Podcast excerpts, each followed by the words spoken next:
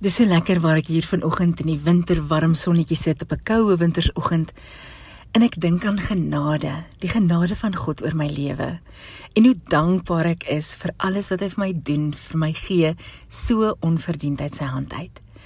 Nou as ek dink aan genade dan is dit nie net daai tweede en derde en vierde kansse wat God vir my gee as ek droog gemaak het nie.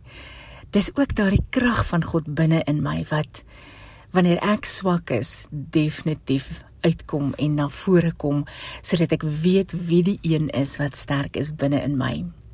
Paulus sê mos in die woord ek is swak en wanneer ek swak is, is God sterk in my. So vanoggend is dit net met soveel dankbaarheid dat ek bloot net hierdie dag kon begin en die gehad het om op God se wakkermaaklys te wees. Dat hy vir sy engele opdrag gegee het om my vanoggend wakker te maak. Dat ek my oë kon oopmaak, 'n nuwe asemteug of 'n volgende asemteug kon neem en 'n nuwe dag kan ingaan. Genade is beslis God in aksie.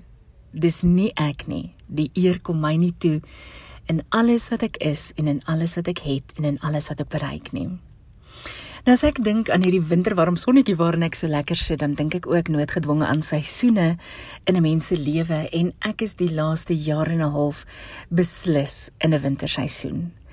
En dit kan baie seer wees en dit kan baie alleen wees en dit kan 'n uitmergelende proses partykeer wees waar groei onafwendbaar is. En baie keer sê jy, Here, asseblief, kan hierdie seisoen net klaar kry?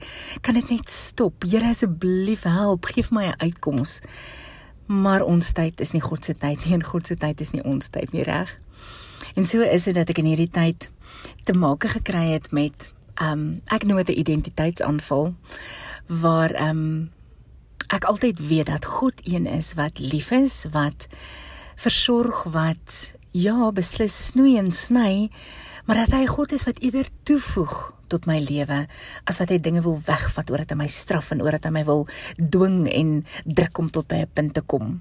Dis eerder uit daai plek van liefde wat God my deur prosesse en tye vat om nader aan hom te kom in 'n liefdevolle manier waar hy toelaat dat sekere dinge my vorm en my skoei en my buig sodat ek meer en meer kan word en wees soos wat hy is.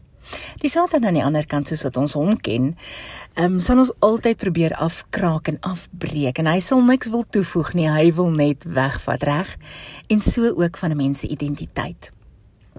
Nou vanoggend, ehm um, as ek dink oor my naam en my identiteit en wie ek is, nie net in God is nie, maar bloot net wie ek is, van wat my naam sê want as hulle mos sê dat jou naam bepaal jou natuur of jou gedrag dan maak dit vir my sin elke dag word my naam Wiki Ann oor my uitgeroep. En sê dit tog wie ek is of waartoe ek op pad is of van watter stofasie ek gemaak is. Baie interessant ek het 'n koppelteken naam. Die eerste deel van my naam sê Vicky wat beteken victress afgelei van Victoria. En dis natuurlik om 'n oorwinnaar te wees, 'n kankerer. Maar baie interessant en daarvoor is ek baie dankbaar. Die koppelteken ander naam wat Anne is wat afgelei is van grace wat genade beteken.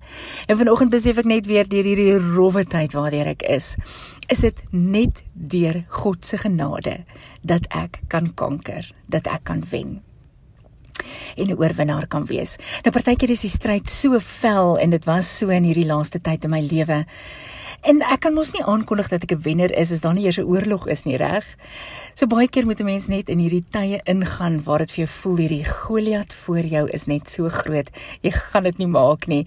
En dan kom God op die mees amazingste maniere met vyf klein klippies en hy help vir jou met alles wat jy in jou slingersakkie het of dit jou talente is of dit jou uithou vermoë is of dit jou vriendelikheid of jou glimlag is of dit bloot net daai kinderlike geloof is dat God jou gaan deurdra en help uit jou situasie uit en hy doen dit vir jou.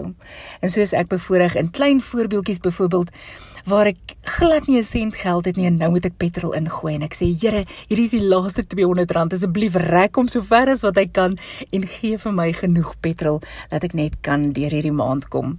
So kom die arme joggie groot oog by my aan nadat hy verkeerdelik vir my in plaas van R200 R350 se petrol ingegooi het en hy sê, "Hou, madam, ek is jammer. Ek weet nie wat het nou gebeur nie." En ek is toe nou baie ongelukkig nie ongelukkig nie maar ontsteld want hierdie arme man het verkeerd ingegooi en ek is bang hy moet die geld inbetaal en ek het beslis nie die geld om in te betaal nie.